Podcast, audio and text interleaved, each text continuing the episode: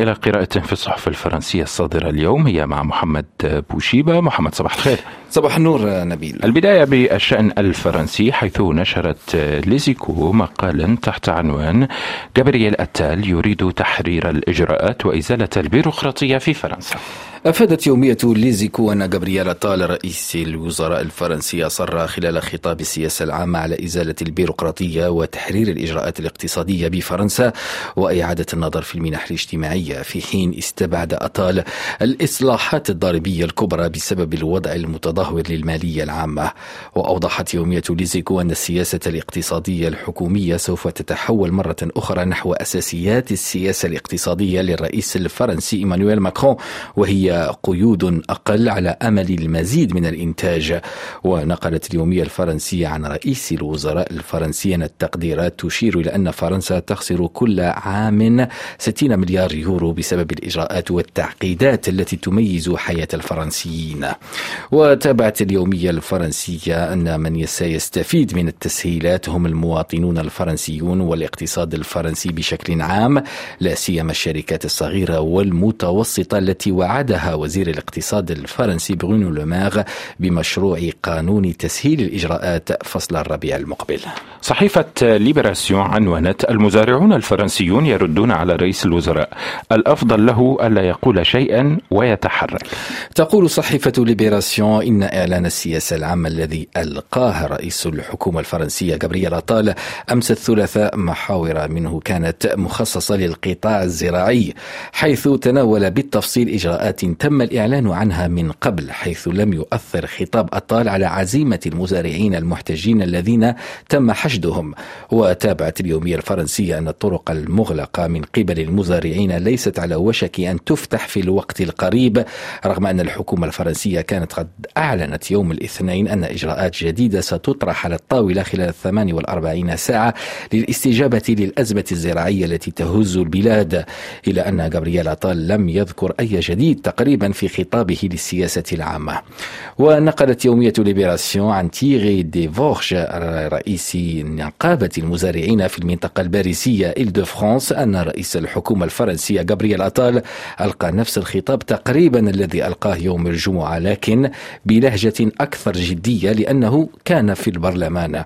هذا واستقبل جابرييل أطال مساء أمس الثلاثاء مرة أخرى ممثلي عن الفيدرالية العامة لنقابات المزارعين ونقابة المزارعين الشباب في مقر الحكومة. صحيفة لوموند نشرت مقالا عن تطورات الوضع في الشرق الأوسط تحت عنوان الضفة الغربية الحرب الأخرى التي تقودها إسرائيل.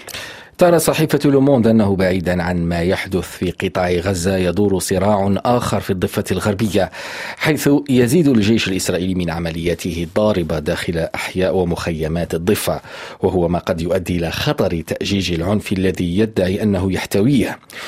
وتابعت اليومية أنه في نهاية شهر يناير كانون الثاني تم نشر جنود إسرائيليين حوالي ألف جندي بحسب مصادر محلية للقيام بعملية جديدة في مخيم اللاجئين طولكرم وجنين ونابلس. استمرت قرابة ثلاثة أيام ووقعت فيها اشتباكات وإطلاق نار. وأوضحت صحيفة لوموند أن منذ بداية الحرب بين إسرائيل وحركة حماس طالت عمليات عسكرية إسرائيلية العديد من النقاط في الضفة الغربية كل يوم تقريبا تقريبا. وشهدت جنين لوحدها 23 غارة وبمعدل غارة واحدة في الأسبوع في المتوسط بطول كرم. وفي التاسع عشر من شهر يناير كانون الثاني تقول اليومية الفرنسية قتل تسعة أشخاص ودمر 24 منزلا بالجرافات. ويعتبر المسؤولون الأمنيون الإسرائيليون الضفة الغربية بمثابة بركان يجب منع ثورانه. ومن المرجح أن يفتح جبهة ثالثة بعد الجبهة الحقيقية في غزة وجبهة الشمال بالقرب من الحدود مع لبنان. في صحيفة لو فيغارو نقرأ بعد أربع سنوات من البريكسيت بريطانيا لم تشهد الطفرة التجارية الموعودة.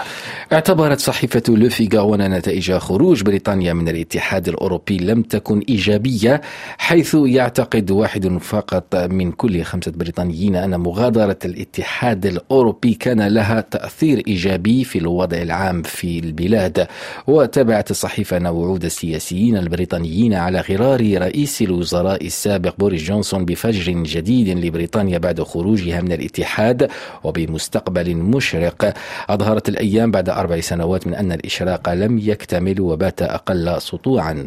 ونقلت يومية لوفيغارو أن استطلاعات الرأي أفادت أن أغلبية الشعب البريطاني اليوم نادمة على هذا الاختيار التاريخي مع تزايد الشعور بأن تكلفة الخروج تفوق المكاسب الشهيرة التي وعد بها أنصار خروج بريطانيا من الاتحاد الأوروبي. ووفقا لآخر استطلاع للرأي أجرته مؤسسة أوبينيوم يعتقد 22% من البريطانيين أن ترك الاتحاد الأوروبي كان له تأثير إيجابي على البلاد بشكل عام وهي نسبة تنخفض إلى 12% إذا نظرنا إلى الاقتصاد البريطاني على وجه التحديد. كما يعتقد واحد فقط من كل عشر بريطانيين أن الانفصال أدى إلى تحسين وضعه المالي ويعتقد نحو 63%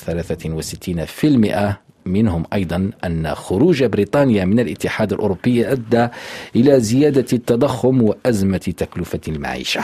شكرا لك محمد بوشيبة.